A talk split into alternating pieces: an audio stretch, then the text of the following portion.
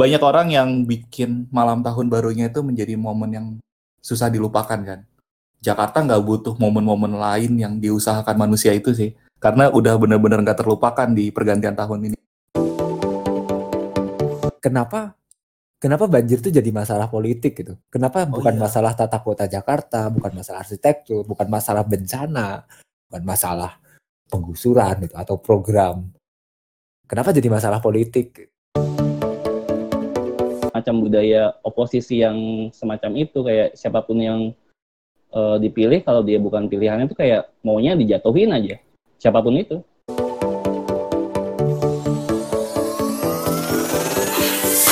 Selamat datang di podcast 21.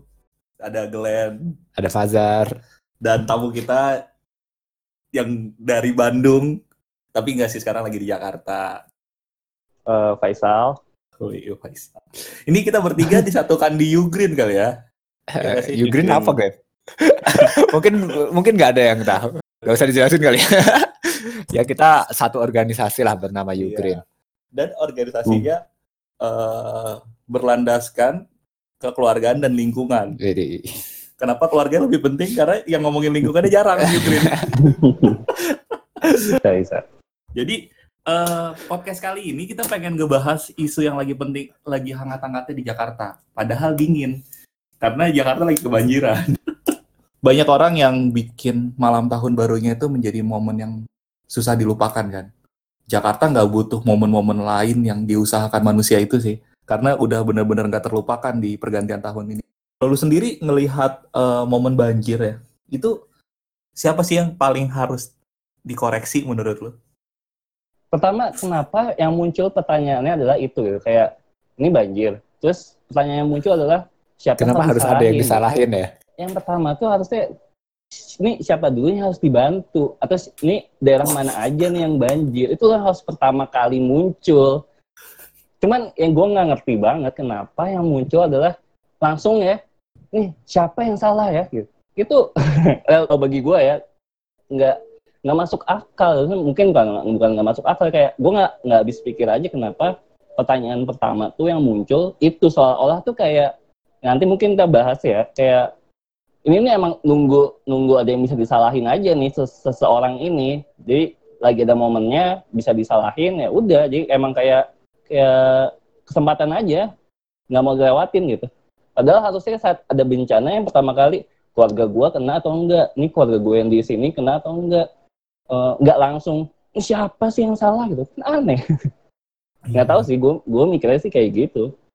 Ini kan gue di Bandung nih gue dan keluarga gue di Jakarta gitu. Kayak ya gue harus tahu dulu nih di rumah jangankan banjir dulu bocor enggak gitu. Belum bisa aja. Oh iya, ru- rumah gua bocor. Ya udah rumah bocor. rumah gua bocor. Kalau rumah lu? Enggak, Aman? enggak, Enggak. ya rumah gue pas tahun baru ya gue eh, tahu ada banjir langsung nelpon dan ya alhamdulillah aman. Hmm. ya ya udah gitu. Cuman jalanan emang ini apa jalanan luar tuh kan deket Jatinegara ya. Itu kayak udah langganan. Ibaratnya kan banjir tuh bisa dibilang musibah mau itu natural atau enggak. Kenapa Oke. langsung mikirnya ada yang salah dari bencana ini? Itu kan maksudnya kan kebayang ya sih? Kenapa pertanyaan gue adalah kenapa it- pertanyaan itu muncul di awal banget gitu. seolah-olah kayak udah menantikan ini bakal ada banjir dan pasti ini nih kalau banjir gede nih gue tahu yang siapa yang gue salahin seolah-olah tuh kayak gitu gue ngelihatnya itu karena jadinya muatan politisnya terlihat sekali Oh jadi kalau gue melihatnya unsur politik terlihat tebal di bencana kali ini, bukan kemanusiaan malah. ya? Atau Ya kalau kemanusiaan kayak tadi gue bilang, ini siapa yang eh, daerah mana aja dan gimana mau alulir bantuan, itu yang harus muncul duluan. Kenapa yang di up itu adalah ini banjir, siapa yang salah, terus langsung debat sini sini. Itu aneh aja sih kalau itu yang orang langsung fokus ke situ dulu gitu. Karena itu nggak nggak nyelesain apa-apa gitu. Dan pertanyaan seolah-olah, kebayang nggak sih kenapa pertanyaannya tuh nggak apa yang salah tapi langsung ini siapa yang salah siapa yang salah? oh. padahal harus ditanya pertanyaan mungkin kalau misalnya tahu kayak golden rule segala macam, pertanyaan kenapa? Kenapa itu bisa terjadi gitu loh. Akan misalnya sebelum apa dan siapa yang gitu. Atau bagaimana gitu. Kenapa Kok bisa terjadi? kalau kenapa kan kita sama-sama tahu bahwa ada hujan besar saat itu Dan emang Jakarta langganan banjir. dan Jakarta emang langganan banjir. Iya, Tapi- terus kenapa kenapa bisa sedampaknya seluas itu?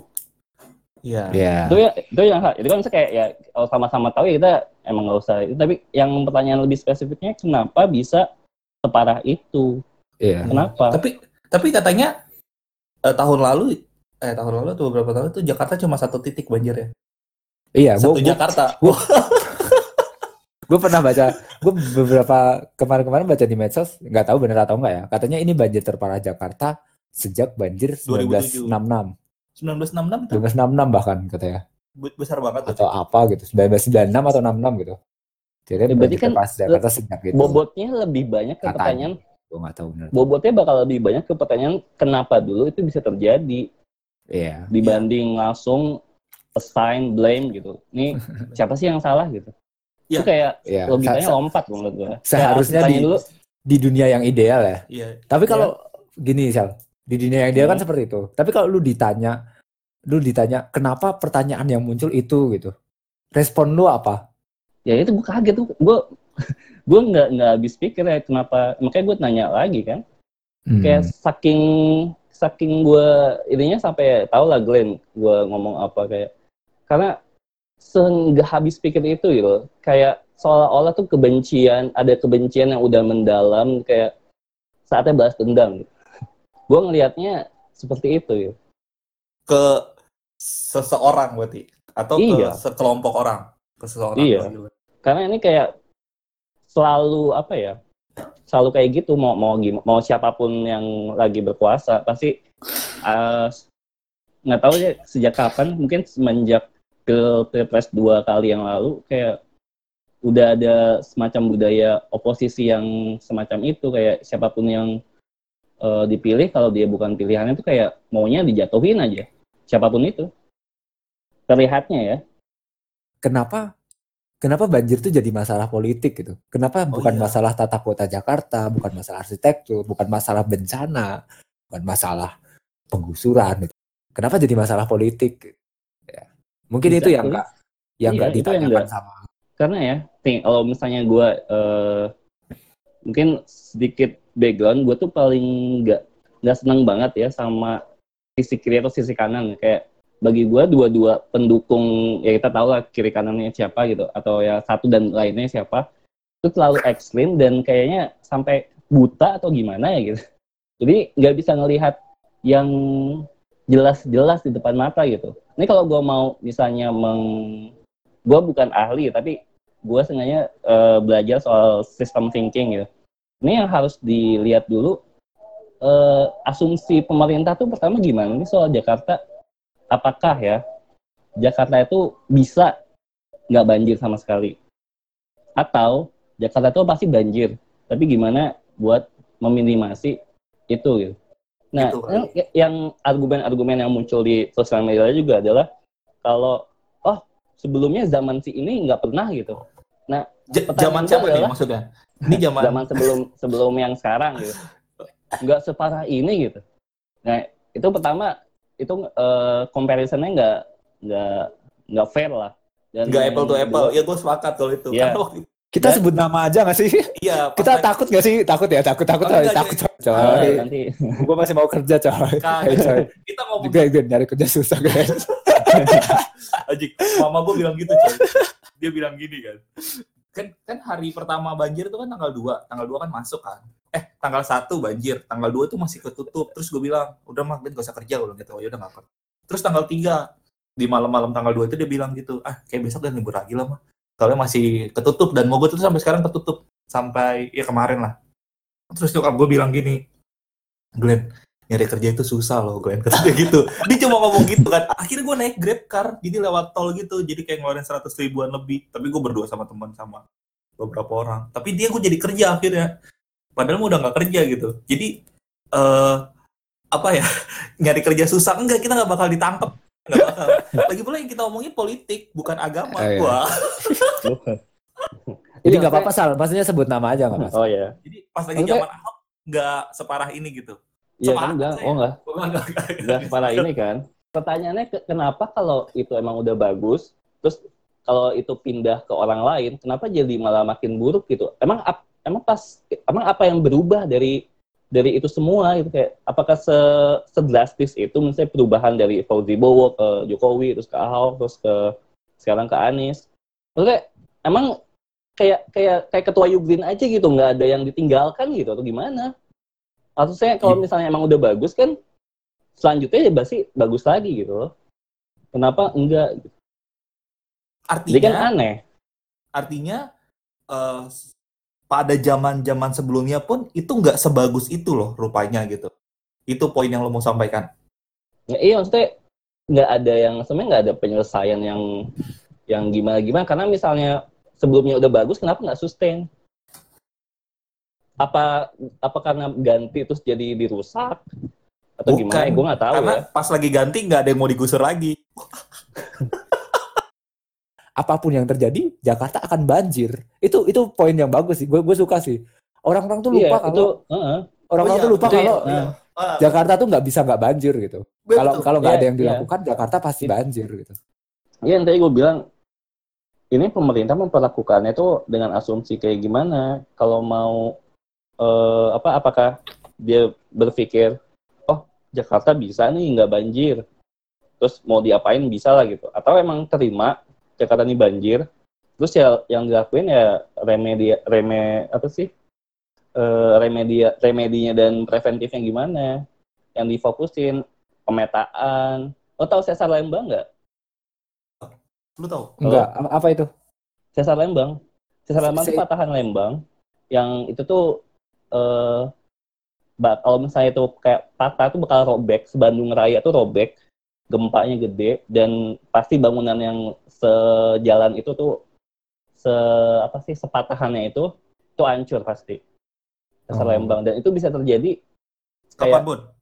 kapan pun sekarang udah makin dekat gitu karena udah makin dari penelitian di geologi yang Bandung itu udah diantisipasi gitu dan itu kan dari pemerintah udah meng, apa menerima itu kayak oh iya ini nggak mungkin dicegah gitu kan. Kayak ini pasti terjadi gitu.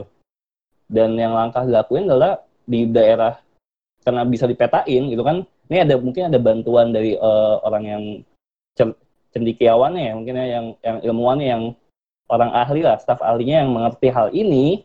Ya yang mengerti ini ngebantu pemerintah metain petanya eh, dampaknya. Dan bantuin biar biar nanti terjadi itu dampaknya minim dengan bikin bikin tes rumah anti gempa di daerah sesar Lembang segala macam gitu. Nah yang gue pertanyakan lagi ya dengan asumsi kayak gimana sih sebenarnya pemerintah? Kalau misalnya asumsinya dengan oh pasti banjir nih. Harusnya dilakuin adalah metain lawan banjir atau mungkin bikin semacam simulasi. Gue yakin sih orang Indonesia udah pinter-pinter lah bisa bikin gitu-gituan aplikasi segala macam. Terus tinggal dilihat lah eh, gimana buat ngatasinnya. Pakai ya sisi engineeringnya gitu atau sisi sisi keilmuannya gue yakin bisa banget gitu. Dan pertanyaan gue kenapa itu nggak itu itu nggak muncul gitu di yang kita ini cuma kebijakan dari pemerintah tok gitu. Oh kebijakan Ahok gini kebijakannya si Anies gini kebijakan eh, dari saran dari Menteri PU gimana gitu. Jadi kayak mungkin Iya. kayak semacam kurang kurang ilmiahnya ya misalnya dari sisi itu ya. Kayak kurang ini aja dan kalau gue bandingin dengan sesal elemen itu kayak oh iya jelas ini. Ini kelihatan bisa dipetain. Terus mereka bikin tes simulasi rumah anti gempa yang kayak gimana. Karena itu pasti hancur. Pasti pasti robek dengan sesar Lembang gitu. Terus cuma kita nggak tahu aja kapan. Eh, itu kan bedanya eh, ses- sesar ya? Apa? Sesar Bandung. Sesar sesar Lembang. Lembang sesar Lembang dengan Jakarta kan. Ka- kita Hmm. sama-sama tahu bakal terjadi bencana. Sama-sama Iya, tahu bahwa ada potensi itu. Ya ada potensi ada potensi terjadi bencana sama-sama bahwa ini nggak bisa dicegah. Tapi yang beda adalah mereka coba meminimalisir. Orang Indonesia sibuk berpolitik dan demo. Nah, ini. iya. Nah. Nggak, maksudnya gini loh. Gue gue tahu persis gini. Bahwa ada sesuatu yang salah kan. Benar kan? Dan kenapa Hmm. orang ngeblame? Karena nggak usah di pemerintahan, coy. Di kehidupan sehari-hari aja ada ada piring yang jatuh, yang ditanya itu bukan letak piringnya ada di mana, tapi siapa yang jatuhin? Karena itu manusia, bener dong. Kita nggak bisa menyalahgunakan, eh, eh kita tidak bisa misimpreciate gitu. Maksudnya manusia seperti itu. Nih, bayangin nih di meja makan nih, ada piring di pinggir, dijatuhin sama anak. Ditanya kan, siapa yang jatuhin? Bukan ditanya siapa yang eh bukan bukan eh siapa yang naruh piring juga ditanya, tapi bukan ditanya letak piringnya itu ada di mana. Jadi itu adalah reaksi pertama dari masyarakat eh, yang bisa dilakukan oleh eh, seseorang entah siapa pun itu adalah bagaimana membangun kesadaran publik. Ya kalau tahu eco lifestyle kan membangun kesadaran publik salah satunya untuk bikin dampaknya lebih eh, kerasa untuk tidak melakukan hal itu gitu. Kalau saran gue sih mereka denger podcast kita ya. Jadi kan podcast kita jelasin piring ini bakal jatuh gitu. Ya karena lu taruh di pinggir misalnya. Jadi kita harus tahu dulu nih hal-hal apa yang eh, berpotensi terjadi, asumsinya harus benar. Makanya orang-orang itu harusnya dengar podcast kita, coy. kayak kayak waktu kecil kita ke kejedok meja gitu yang Iya. dicalain mejanya ini Hmm. mejanya Ya, nakal tuh. Eh, Kayak- Panji kayak- juga ngomong gitu.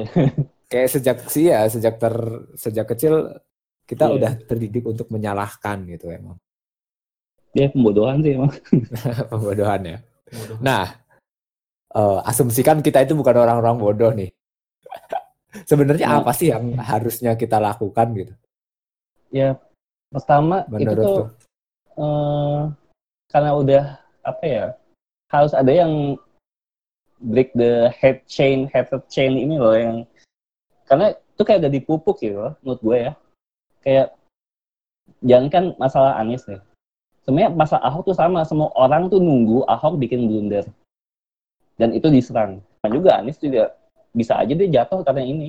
Kalau emang terlihat apa dan pasti gue yakin bakal ada macam-macam gugatan-gugatan nih kayak ini ke Anies. Oh ini korban jiwa nih gara-gara Anies. Gue bisa Masa membayangkan iya? mungkin akan ada kayak gitu. Ya gue nggak tahu. Mungkin ya saking bencinya atau apa, gue bisa bisa aja gitu. Baik lagi soal kayak tadi eh, gimana misalnya Aduh. orang yang staf ahlinya gitu eh, atau orang yang ahli atau yang ngerti kayak tadi buat kenapa nggak ngelakuin semacam pengabdian masyarakatnya atau apa gitu ya. Baik lagi coba masalah Aibon yang balik sebentar ya. Kan itu kan staf dalam. Kalau tahu ada hal yang salah, yang dilakuin harusnya benerin atasannya, benerin ini ada yang salah, bukan malah ngasih tahu, oh dia salah nih. Kan semacam gitu budayanya. Sama Oh kayak iya iya ini. bener-bener. Aibon, Aibon juga Faisal eh, salah satu yang pro eh bukan pro apa kontra dengan PSI lah. Bener ya? lanjut lanjut lanjut ya kan PS- PSI kan nyerang Aibon begitu. Eh istilah vokal ya, vokal banget kan. Tapi ketika Jiwasraya mereka diem aja karena Ya itu kayak Eh, udah partai yang temennya yang diinin. Biarpun bukan partai dia kan tapi istilahnya eh, si pertahana kan temennya dia. Hmm. tapi dia biasa aja gitu. Tapi pas lagi Aibon dia begitu vokalnya. Bukan harusnya Aibon gak vokal tapi harusnya Jiwasraya vokal itu dong. Lo harus tetap jadi guardian of value buat pemerintah sekarang kan bukan jadi ya udahlah ya gitu. Karena Jiwasraya itu kan Iya. salah. Jokowi lima tahun ini kan dia yang megang eh bukan salah Iya, Jokowi walaupun- lah ya walaupun Kementerian dibagi-bagi BUMN sama zaman SBY itu. Walaupun ya dibagi-bagi lah. Iya, bagi-bagi. Tapi pas lagi pecahnya itu zaman Jokowi. Eh, kolapsnya kan di zaman Jokowi. Kementerian Ya, tapi- BUMN lah. Hmm, poin gue adalah satu kita tuh udah ya kayak partai politik dan politi politisi kita udah udah emang memupuk rakyat buat jadi entah bodoh atau gimana ya jadi kayak kayak gitu. Saya udah terpupuk dan jadinya tinggal dipantik aja tuh udah pasti nyala. Itu satu. Yang kedua ya tadi kalau misalnya lo tahu ada yang salah tapi kayak mungkin apa ya bahasanya pansos atau apa kayak merasa oh dia salah nih. Kayak gue bisa bilang kalau dia salah tuh kayaknya jadi keren atau gimana? gitu ya. Padahal kalau misalnya ada salah ya dibenerin dikasih tahu gitu. Ini salah nih. Sama halnya kalau banjir gue yakin banyak orang pintar di Jakarta atau di Indonesia ya yang tahu bencana banjir ini bakal datang kenapa nggak coba datang ke pemerintah ngasih tahu segala macam gitu. Ya gue nggak tahu se- se- sepeduli apa ya tapi kalau misalnya dia udah tahu ini terus malah diem kayak terus tahu oh di budget ah, emang ini salah. Orang gue punya ide gini tapi kayaknya si pemerintah ini nggak mau ah. Nah itu kan ignoran gitu kayak eh, kayak dan nggak peduli sama sekali entah atau gimana ya. Sama kayak tadi ya itu kayak kasus di Aibon. Kalian tuh staff dalam loh staff dalam nemuin ada yang salah yang dilakuin pertama kali kasih tahu kalau itu salah ya Bukan, Dan- pertama kali ngupload media sosial anjing. Iya, ngasih ngasih tahu kalau oh ini atasan gue salah nih karena dia mungkin di bagian oposisi saat itu. Saat ini Dibanding juga. kalau misalnya mau kalau misalnya dia emang beneran mau ngebantu ya itu coba dibenerin dan gimana ya? Gue yakin dan itu masalah ya mungkin nggak sepele, itu masalah yang bisa diselesaikan di dalam gitu. Eh, Iya. Yang dia lakukan adalah bentuk eh, politik. Politik kan bicara tentang kekuasaan kan, Mm-mm. Iya kan? Ya itu Jadi, karena iya dan karena kali ini bukan kemanusiaan yang harusnya diusik karena ini kan ngomongin politik yang dia lakukan kayak gitu. Hmm. Nah, beda sama banjir harusnya. Yang gue sepakat sama lu. Kalau kalau yang tadi gue nggak sepakat karena ya udah ya ini kepentingan politik. Jadi emang mereka harus saling menjatuhkan. Gitu-gitulah. Ya kan? Ini kan eh, agendanya ya, politik. nggak juga Tapi itu kan iya ya udah ya pemerintahan. gue ngam, gua, gua ngambil eh, how caranya caranya eh, mereka melakukan aksi politiknya kayak gitu Iya. miripnya gitu mirip gitu dan tapi kali ini harusnya nggak bisa dilakukan ada kemanusiaan juga yang eh, istilahnya sedang terusik gitu di ke- keadaan banjir kali ini tapi tunggu tunggu tunggu di itu banjir eh bukannya itu bukannya malah makin seger ya? Apa tuh yang makin segar ada isu ada politik yang bisa diiniin ditambah ada isu kemanusiaan. Sama kayak mirip kayak ada isu politik waktu zaman Ahok dan ada isu agama yang bisa digoreng gitu. Ini kan ya meng- tapi kan kemanusiaan ya. kemanusiaan harusnya menjadi eh, lebih utama dibanding politik karena kondisi banjir gitu. Tapi kebanyakan orang mengatas nama eh lebih tinggikan politik kan, kebanyakan. Mungkin itu yang bisa kita lakukan kali. Eh, kita lebih melihat sisi kemanusiaannya dari banjir. Eh, eh maksudnya seberapa besar dampaknya kayak pernyataan lu pertama itu Iya. dibanding dibanding kita ngomongin tentang siapa yang salah. Masyarakat. uh, poin gua di Aibon itu bukan si politisnya, tapi orang yang tahu, orang yang ah, orang ahli yang kayak gue deh analoginya soal sesar Lembang. Penelitinya tahu nih, ini ada sesar peluang potensi sesar Lembang patah robek. Mereka ngebantu pemerintahnya. Itu bukan pemerintah yang nyuruh mereka loh awalnya. Mungkin mungkin ya, tahu gua. Karena mereka emang emang badan yang ngelakuin riset-riset macam itu. Nah harusnya emang nggak ada gitu dari dulu dibikin semacam riset soal banjir Jakarta atau apa gitu. Jadi nggak cuma dari satu sisi pemerintah doang gitu ya, emang ada yang emang orang-orang yang mikirin ini gimana caranya. Gue nggak tahu tuh, mungkin ada tapi gue nggak tahu ya bentuknya seperti apa. Nah yang gue ini adalah kenapa kalau misalnya itu ada, harusnya itu yang bisa efektif buat mengantisipasi hal-hal kayak gini. Tapi pertanyaannya kenapa seolah-olah tuh kayak kalau kita tarik balik itu kayak ini alurnya gimana sih eh, pemerintah mencegah banjir nggak tahu kan? Tuh, tadi kan misalnya secara emang gue bisa ceritain tuh. Ini alurnya ada potensi ada pemetaan terus dan dilakuin apa gitu. Nah kalau banjir ini gue nggak tahu alur alurnya gimana karena gue juga nggak di Jakarta berapa lama. Gue nggak tahu alurnya dan apakah ada atau enggak gitu. Dan tadi soal Aibon yang tadi kalau misalnya ada orang yang atau badan atau apa yang tahu risiko ini dan tahu gimana eh, buat nanganinnya nggak itu semua pemerintah harusnya orang-orang itu yang ngebantu pertanyaan gue apakah ada dari begitu banyaknya orang ahli yang nggak ikut campur di proses penyelesaian, eh bukan proses preventif dan lain-lain, tapi mereka tiba-tiba muncul di permukaan untuk menyalahkan pemerintahan yang ada gitu ya. Itu kan yang muncul. ya seperti seperti itu kayak gue nggak gue nggak makanya gue nggak tahu nih emang sebelumnya langkah-langkahnya apa gue tahu cuma dimus- muncul di jujur gue baru tahu soal nama normalisasi itu di sosial media Ah, oh ternyata namanya itu gitu ada yang Nah, yang diperdebatkan Anies versus Menteri itu ya ya itu gue baru tahu eh, Saat di banjir. sosial media Saat Karena setelah gua- banjir. Ya, iya karena gue emang nggak nggak di Jakarta berapa lama, gue nggak update segala macam soal itu. Iya betul. Istilahnya kita orang-orang yang hidup Jakarta dengan banyaknya itu kita sama-sama merasa susah, kita sama-sama melihat ada orang kesusahan, sama-sama apa ya? eh dapat dampaknya gitu. Terus reaksi media sosial kan begitu apa ya? Rame kan. Tapi rame menyalah-nyalahkan itu tanggapan lu eh apa sebenarnya yang bisa dilakukan oleh orang-orang selain eh menyalah-nyalahkan di media sosial. Ya gue nggak tahu, misal tahu gue udah, udah kayak udah kayak nyerah, Glenn kayak alah ini orang mau apalah di ini aja lah sekalian. Dikena dikenain azab aja sekalian lah banjir lebih gede gitu. Karena di sisi lain gue tahu orang-orang yang mengendorse kayak aksi cepat tanggap. Itu muncul juga tuh se- seiringan dan itu di orang dekat-dekat gue gitu nah kenapa sayang gue kenapa itu sedikit gitu. Kalau di orang sekitar gue ya kenapa lebih banyaknya panasnya tuh soal ya baik lagi nanti ke dipolitisasi. Mungkin bukan politisasi kayak semacam gue nggak kebayangin kenapa sih dendaman banget sama orang yang nggak dipilih atau yang berseberangan gitu. Gue kayak udah ada. Mungkin salah satu yang bisa kita lakukan adalah stop mengatasi negatif politik. Padahal ini masalahnya adalah masalah bencana gitu, bencana alam. iya Yang bukan- seharusnya, yang bencana berkala gitu, yang memang sering terjadi. Gitu.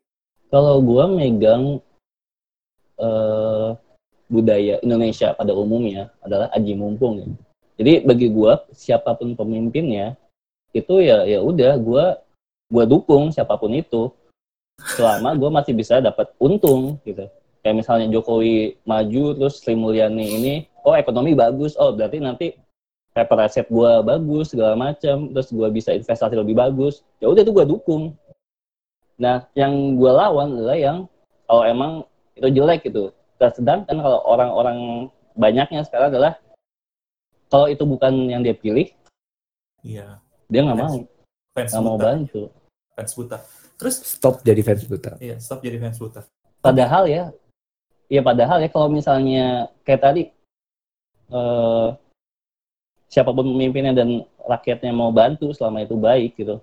Ya hal-hal yang semacam mau bantuin mikirin soal banjir itu pasti lebih muncul gitu di- dibanding kalau ternyata nih gue nggak tahu eh yang yang ahli-ahli ini ternyata malah bukan malah yang berseberangan sama yang berkuasa sekarang jadinya nggak mau bantuin atau gimana nih gue nggak tahu Oh, kita nggak tahu itu benar kita nggak tahu. itu nggak tahu kan Nah, makanya Iya.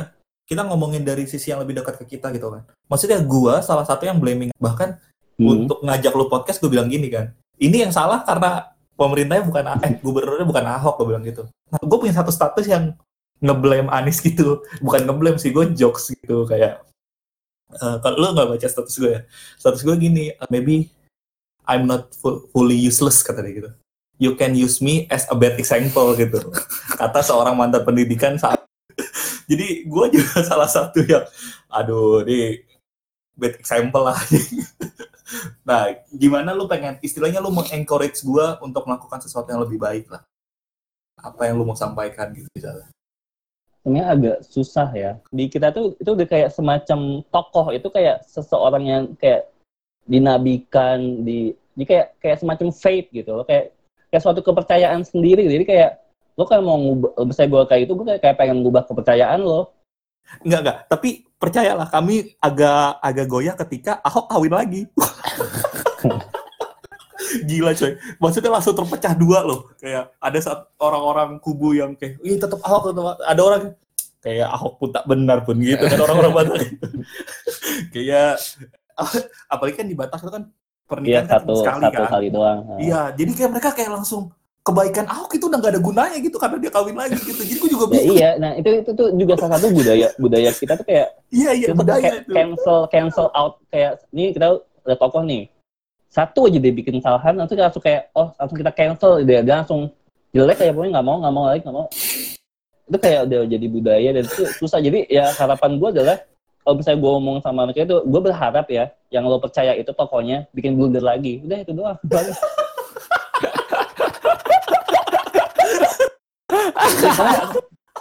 sama waktu eh, Jokowi Gila. waktu Jokowi eh, milih eh, Pak Maruf Amin kepecah kan Kepecah, kepecah. Iya. iya kan ya gue mungkin ngomong ya, susah karena susah gue ya gue berharapnya bikin blunder lagi yang bikin makin terpecah mungkin mungkin itu yang paling masuk akal dan realistis menurut gue Iya, jadi akhirnya ada ada pemikiran yang lain kayak mungkin bener gitu kan. Akhirnya dia lebih berpikir, istilahnya mengkaji ulang apa yang dia percayai. Atau bahkan Iya, mereka mengkaji iya, dan- ulang siapa yang dipercayai gitu kan. dan itu sulit Se- karena trigger tiap orang mungkin beda pasti beda sih trigger tiap orang kayak oh misalnya kayak tadi kan lo bilang orang Batak yang jadi yang nggak nggak nggak respect lagi karena triggernya oh orang Batak biasanya kan harusnya satu kali aja gitu Menikah, betul. dan mm-mm. Nah, mungkin ada lagi yang katanya oh kalau dengan Jokowi Pak eh, Maruf Amin ah ternyata ngegandeng sisi situ juga jadi misalnya pecah atau Oh, boleh ya, ucapin selamat Natal nih. Wah, iya nggak boleh. jadi jadi terpecah mereka kan. Ya. itu trigger triggernya bisa beda-beda dan yang yang baik ya sebenarnya kalau dalam dalam dalam berpolitik ya jangan lo menggantungkan sesuatu itu pada orang tapi pada gagasan kalau misalnya lo anti korupsi yang lo pegang ya siapa pun yang ini sama dia anti korupsi harusnya lo dukung Terus Bukan- gagasan ya Oh, misalnya iya. gagasan itu banyak apa yang lo percaya gitu kalau gue percaya orangnya kan kita sepakat tadi. Gue percaya Ahok, Hmm. bukan percaya gagasan. Kan lu yang bilang Ya. percaya gagasan. Heeh. Bener kan bukan gua. ya ya masalahnya eh, gimana cara kita untuk bisa percaya gagasan kalau kalau setiap orang ditanya ya kan gue bukan ahlinya kok gue bukan ahlinya kayak lu bilang gitu Iya. bener kan bentar lagi eh bukan bentar lagi akan ada pilkada lainnya kalau kita percaya gagasan artinya banyak sekali effort yang kita harus eh, apa ya pelajari kenali gitu gitulah dan Ini, Ngomongin- ini simpelnya, simpelnya tadi gue bilang, misalnya lo yang lo pegang adalah anti korupsi. anti korupsi Nah, selama- Oke. Sama orang yang berkuasa, yang mungkin itu dia ngelakuin apa yang sesuai anti korupsi, ya itu lo dukung. Kayak misalnya, oh ini eh, bikin sistem anti anti korupsi, anti gratifikasi gitu. Oh misalnya ada yang gratifikasi nggak boleh. Oh itu harus, harus dukung karena siapa pun yang ngasih gagasan itu lebih baik layar itu.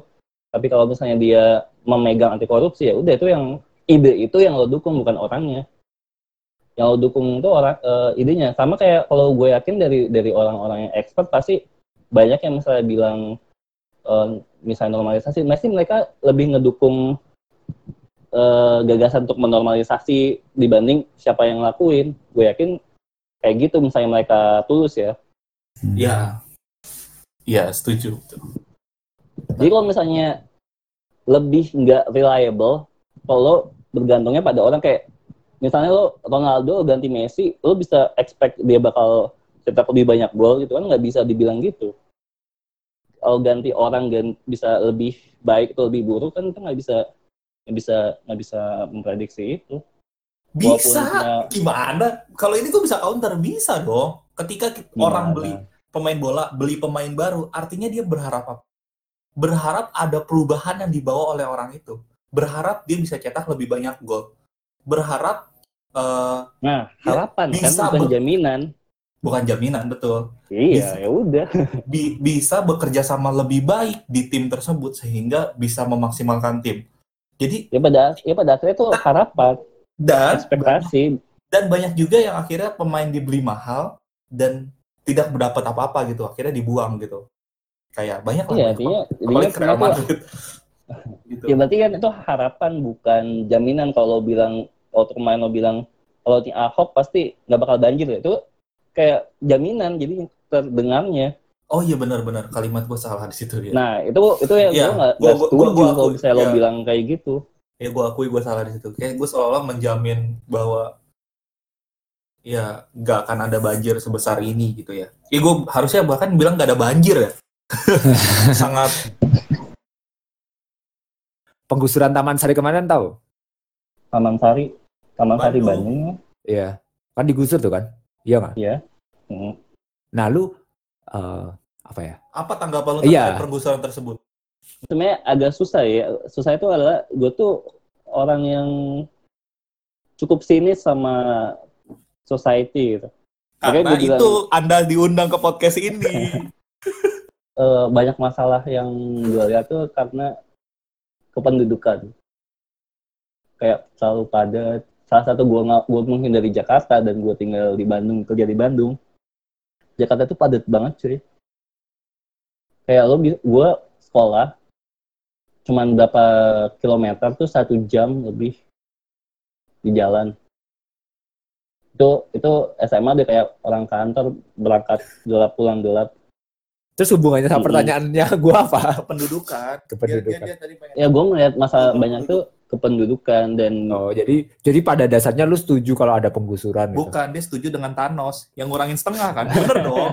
Ih, gila gue Iya. setuju banget coy. Iya setuju, cuman kan Thanos nggak Iya. realistis. Ini yang realistis penggusuran tuh kan lebih realistis. Lu setuju dong sama penggusuran?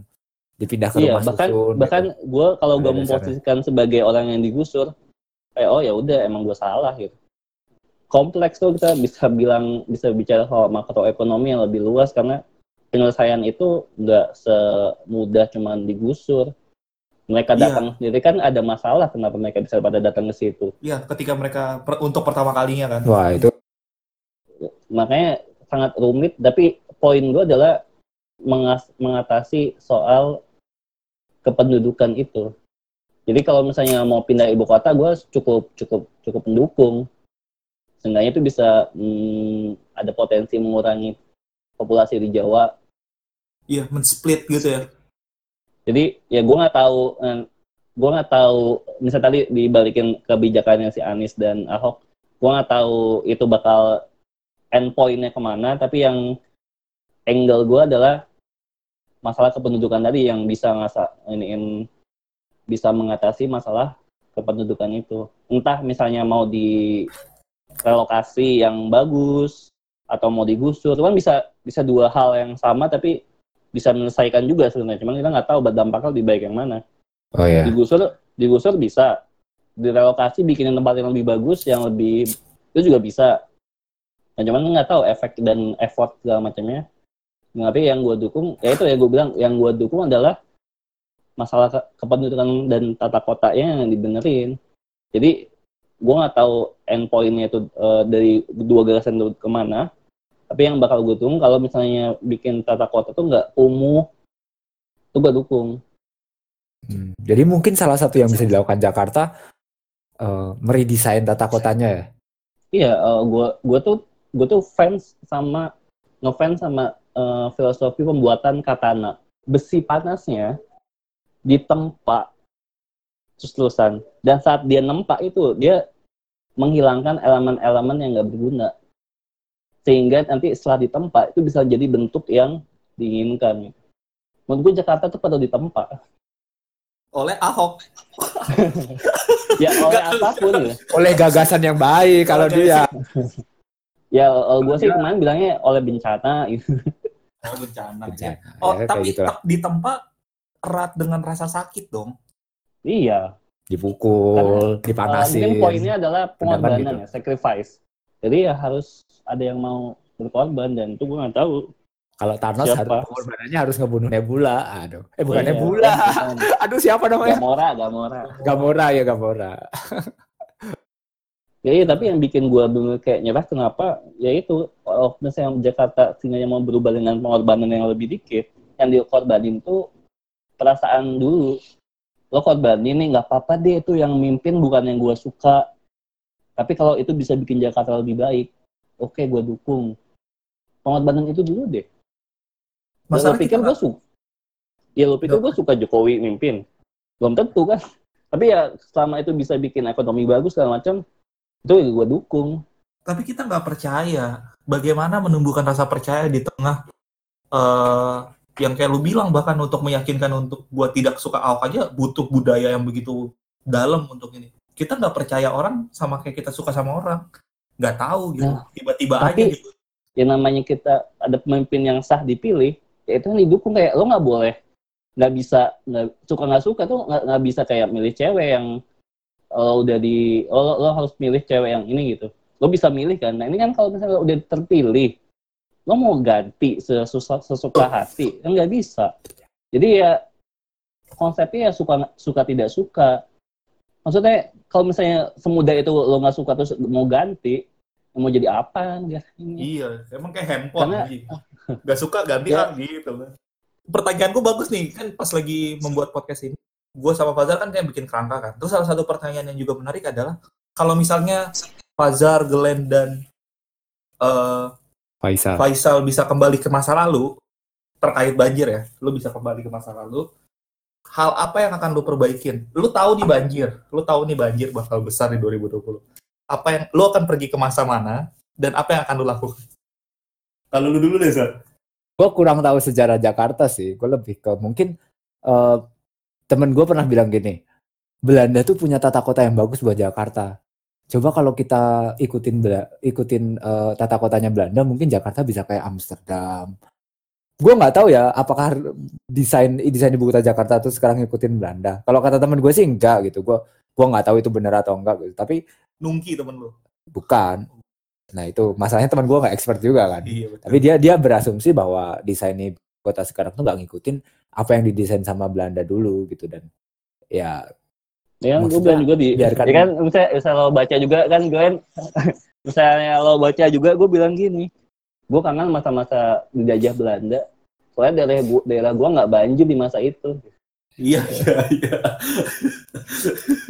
itu itu itu sebenarnya sarkasme dengan orang yang bilang kangen masa Ahok gitu tapi gini Punya- Belanda tuh punya masalah yang lebih besar daripada Indonesia Iya. tentang banjirnya. Maksudnya dia dia negara yang ada di bawah permukaan laut Di gitu. bawah permukaan Iya laut, kan. iya. Ya, maksudnya sebagus itu gitu desain negara, negara mereka gitu sampai gua nggak tahu sih apakah banyak banjir di Belanda cuman preventifnya ada gitu loh kayak bahkan ada Wikipedia page-nya flood flood preventing in in uh, Netherlands gitu. Eh siapa? Kalau New York yang gue suka mungkin New York yang gue tahu eh, mereka punya skewernya itu buat mencegah banjir kan. Itu itu eh, pemerintahnya punya punya website sendiri gitu untuk nge- ngejelasin masyarakat flood preventingnya New York itu seperti apa gitu. Nah Jakarta saat gue search di Google nggak ada ya. Mungkin kita emang ya nggak nggak muluk lah kita bukan Belum negara bukan negara maju gitu. Kita belum nyampe situ lah. Cuman karena kepenuhan. Kalau lo mau redesign pasti orang banyak mikir eh, bukan tentang redesign desainnya Jakarta. tentang tentang publikasinya. Ini gue Iya. terlalu jauh mungkin gue terlalu jauh ya. Zaman Belanda gitu yang gue nggak tahu. Tapi ya ya gue rasa ya ke- soalnya Belanda sendiri ba- bagus gitu kenapa Jakarta nggak bisa yang yang yang dulu dipimpin sama Belanda Oke, nah kalau lu kembali ke masa lalu ke situ lah ya. Kalau lu Sal, lu kalau kembali ke masa lalu balik ke mana? Dan lu ngapain? sebenarnya gue sepakat sama Fazer kayak dari awal pasti ini dari awalnya tata kota itu dibentuk Jakarta ini kita balik ke situ dan jadi orang yang benar-benar emang cari tahu nih banjir karena apa emang emang karena geografisnya kayak gitu. Terus dari apa namanya eh kebijakan juga harus tahu nih kalau misalnya penduduk makin banyak efeknya apa. Karena gue yakin orang zaman yang dulu yang bikin atau yang ngedesain Jakarta tuh nggak kebayang kalau Jakarta bakal sepenuh itu jadi mungkin kalau misalnya gue bisa jadi bisa balik di masa gue bisa mencegah Jakarta tuh nggak padat ya mungkin gue kembali ke ke zaman itu karena lu nggak karena lu nggak suka kepadatan penduduk itu sih ya kalau lu gimana Glenn? Kalau kalau gua, gua bakal balik ke masa pemerintahan Soeharto sih. Terus gua ngasih data-data saat ini. Di masa pemerintahan Soeharto, Ntar lu belum selesai. nggak bisa coy lu gimana sih nggak ada premis itu Kan gua bisa kembali ke lu masa kembali ke lalu. masa lalu ngebawa data sekarang Kan Ih. kita kembali ke masa lalu, bukan kita hidup di zaman lalu. Kalau hidup di zaman lalu kan kita punya Jalan. Ya udah oke, ada Bener, prem kan? ternyata ada prem ya udah. Lu Lanjut kan aja. premis lu Lanjut, premis ya udah lanjut aja lanjut aja. Tahu dong premis itu. Sama aja sih gua akan ya sama bawa data-data juga di zaman Belanda. Iya. Gue ke zaman Soeharto, terus gue minta Tapi Soeharto data-data itu untuk nggak perlu. pindahin ibu kota. Karena kekuasaan yang begitu, eh gue, gue sorry banget nih, gue, gue gak suka Soeharto, tapi kekuasaannya itu begitu luar biasa. Jadi ketika dia bisa pindahin ibu kota lebih cepat, eh, mungkin masalah penduduk juga mirip-mirip lah. Tapi intinya ibu kota pindah. Harusnya kalau dia lima tahun menjabat, eh berapa tahun? 30 tahun menjabat deh ya. Harusnya di zaman yang sama, eh zaman pemerintah yang sama, dia udah ngepindahin ini kan, ibu kota dong. Bener eh, artinya udah ada ibu kota baru di Kalimantan atau di mana pun itu, terus eh, Jakarta jadi lebih lebih stabil. Tapi ada jokes yang satu lagi yang gue bisa pi- pikirin secepat itu kayak Bekasi banjir berarti yang salah Ridwan Kamil ya. Ridwan Kamil sebagus itu pun salah karena Bekasi lu yang banjir gitu. Kok tidak ada yang menyerang Ridwan Kamil di, di media sosial? jadi menurut gua bukan jadi pemimpin yang bagus sih. Jadi jadi pemimpin yang menyenangkan itu penting sih. Kan Gubernur Ridwan Kamil kan eh dia menyenangkan sih menurut gua. Jadi ramah, dekat, punya anak yang cantik, pokoknya gitu-gitu lah. Tapi kalau satu hal yang gue bisa pelajari dari banjir Jakarta ini, dulu agama dan politik di Jakarta itu bisa disatukan. Sekarang bencana dan politik itu bisa disatukan. Dari 10 kali percobaan jokes, satu doang yang berhasil sih. Bang. Akhirnya jokes gue berhasil. gue udah sih dari gua atau ada lagi yang pengen lo obrolin untuk podcast ini. Faisal Ya, mungkin eh, mungkin ini ya Ya, buat kalian lu ini. terakhir Gue eh ya mungkin lo bisa bilang gue tuh opo dibilang oposisi juga enggak karena gue lebih pengennya tuh di tengah. Dan tadi gue gue mencoba bilang stay true to my words gitu kayak ya siapa pun yang lagi di atas ya gue bakal dukung gitu. Misalnya Pak Jokowi mau pindahin ibu kota walaupun dan gue maksudnya gue mendukung gue mendukung yang Anies lakuin lakuin dan Jokowi lakuin itu harusnya kan berseberangan kan dua orang itu kalau dari, dari sisi politik tapi gue berusaha buat ya udah gue ngedukung mereka berdua yang lagi eh iniin Menjabat. Jakarta tempat tinggal gue iya dan yang lagi jadi Masa. presiden yang harusnya mungkin lebih banyak orang yang berpikirnya tuh konstruktif ke arah situ gitu. kayak dibanding harus berantem gitu kayak kayak gue bilang aduh pada berantem mulu udahlah dimusnahkan aja sama bencana kalau kalau kata fansnya Pak Anies, apa yang dibawa Pak Anies tuh mirip sama apa yang dibawa Pak Jokowi. Waktu dulu itu Pak Jokowi eh, menjabat gubernur. Maksudnya mereka enggak, mungkin secara politik berseberangan, tapi secara gagasan mungkin nggak terlalu, nggak terlalu Ya, jauh. iya berarti kan berarti kan balik lagi emang yang harus kita dukung tuh jangan gagasan. tokoh ya. Tapi ya gagasan. Yang kita harus pegang bahkan ya. Ya kalau misalnya tokoh tokoh tuh bisa ganti-ganti lah. Fahri Hamzah lo bisa nggak tahu bakal pindah ke PSI Valdo Maldini nah, itu ya kita nggak bisa karena nggak bisa megang nggak bisa megang orang. Nggak bisa. susah.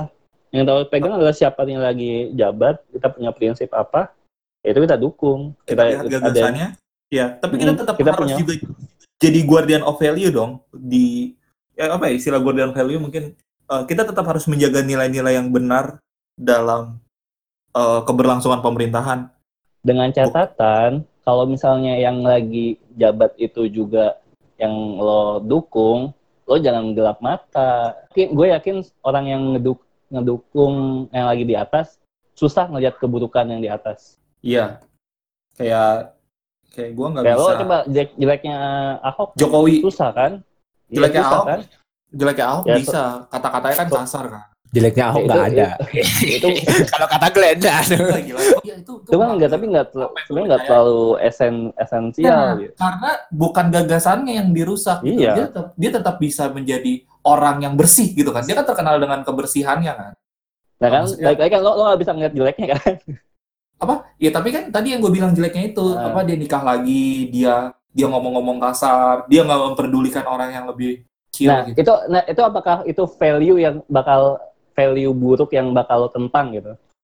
Enggak jawabannya. Ini kalau lo mau bilangin tetap walaupun kayak gitu tetap tetap kita jadi guardian of value, ya saat dia menjabat bagi gue orang yang yang lo yang dukung pasti susah lo lihat kejelekannya, susah. Mungkin bisa tapi susah kayak lo aja kayak tadi kan lo nggak bisa lihat kejelekannya di sisi dia saat memerintah misalnya. Iya, Cuman betul. saat jadi kan itu nggak fair. Iya, benar-benar. Gue gue sangat. Jadi gue nggak menganggap itu sebuah keburukan loh. Oh ya udah itu nggak apa-apa, gue bilang gitu. Iya kan? Padahal itu Susah nggak ya. boleh. Iya. closing juga kali ya nggak mau closing jadi orang yang yang pinter lah yang punya akal sehat yang bener lah menurut gue sih itu doang lah dan akal sehat tuh ya kayak tadi lo bener pakai akal sehat lo bisa tahu nih orang salah yang nggak lo benerin orang bener nggak lo salahin kalau yang harus lo lakuin kayak misalnya banjir tadi yang lo pertanyain tuh bukan ini salah siapa tapi eh, ini korbannya siapa dan kenapa bisa kayak gini. Nah, kalau misalnya yang siapa yang lagi mimpin ya lo dukung. Tuh, Menurut gue sih coba pakai nyobain pakai akal sehat lah. Karena ya itu doang yang nyelamatin. Soalnya nih, gue gue sempat bilang mau desain sistem seperti apa yang bakal benar-benar bisa bikin kita survive. Bahkan gue sangat-sangat nggak habis pikir sama orang yang masih nggak bisa buang sampah pada tempatnya ya. Itu se segoblok apa ya? Kayak ya dan lu nggak bakal benar-benar dan itu masalah kita jadi orang yang nggak pakai bisa pakai akal sehat.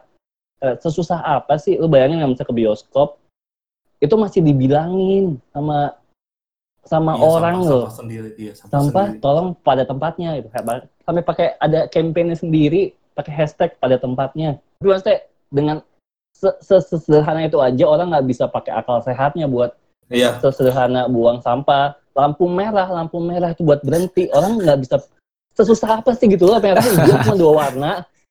Nah menurut gue kalau orang kita aja masih kayak gitu lo mau sistem serum apalagi mau pakai sistem rumit segimana eh misalnya oh misalnya nanti ada semacam publikasi dan edukasi soal mitigasi bencana ya mungkin kita harus dididik segimana buat buat ngerti Jangankan lampu merah, palang kereta api aja dilanggar. Oh iya so, Jadi- itu loh.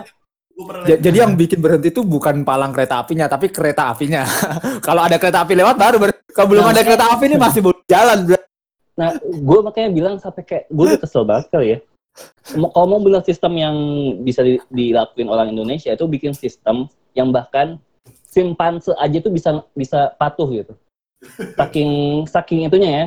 Jadi kayak saking sistemnya sebagus itu, simpanse aja tuh bisa matuh matuhin peraturan itu ya. Lo mikir pendidikan itu mahal, coba ignorance. Coba ke menurut gue tuh bukan masalah orang IQ, itu bukan masalah IQ atau apa ya menurut gue.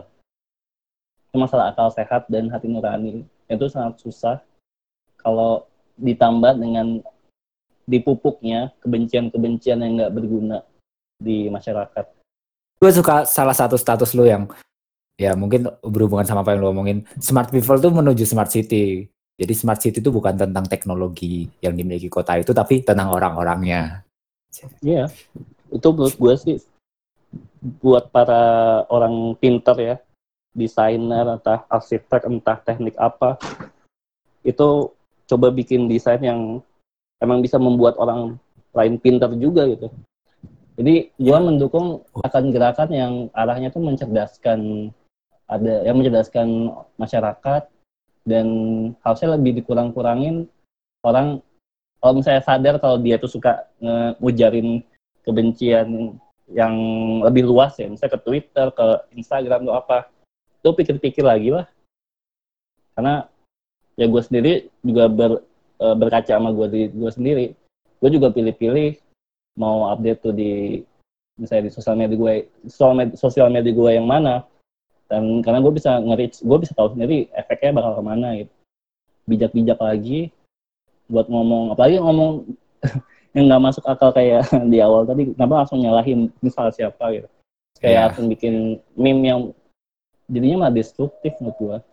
Malah jadi kita kita ter, ter apa ter, terlalaikan dengan apa yang harus dilakuin. Kayak tadi ngebantuin. Itu ya terlalaikan buat ngebantu korban. Baru kalau sibuk buat nyari siapa yang salah. Tapi ya dari dari semua dari obrolan kita panjang lebar dari tadi, harapan gue cuma satu sih. Editingnya bagus deh. Ini banyak yang harus diedit.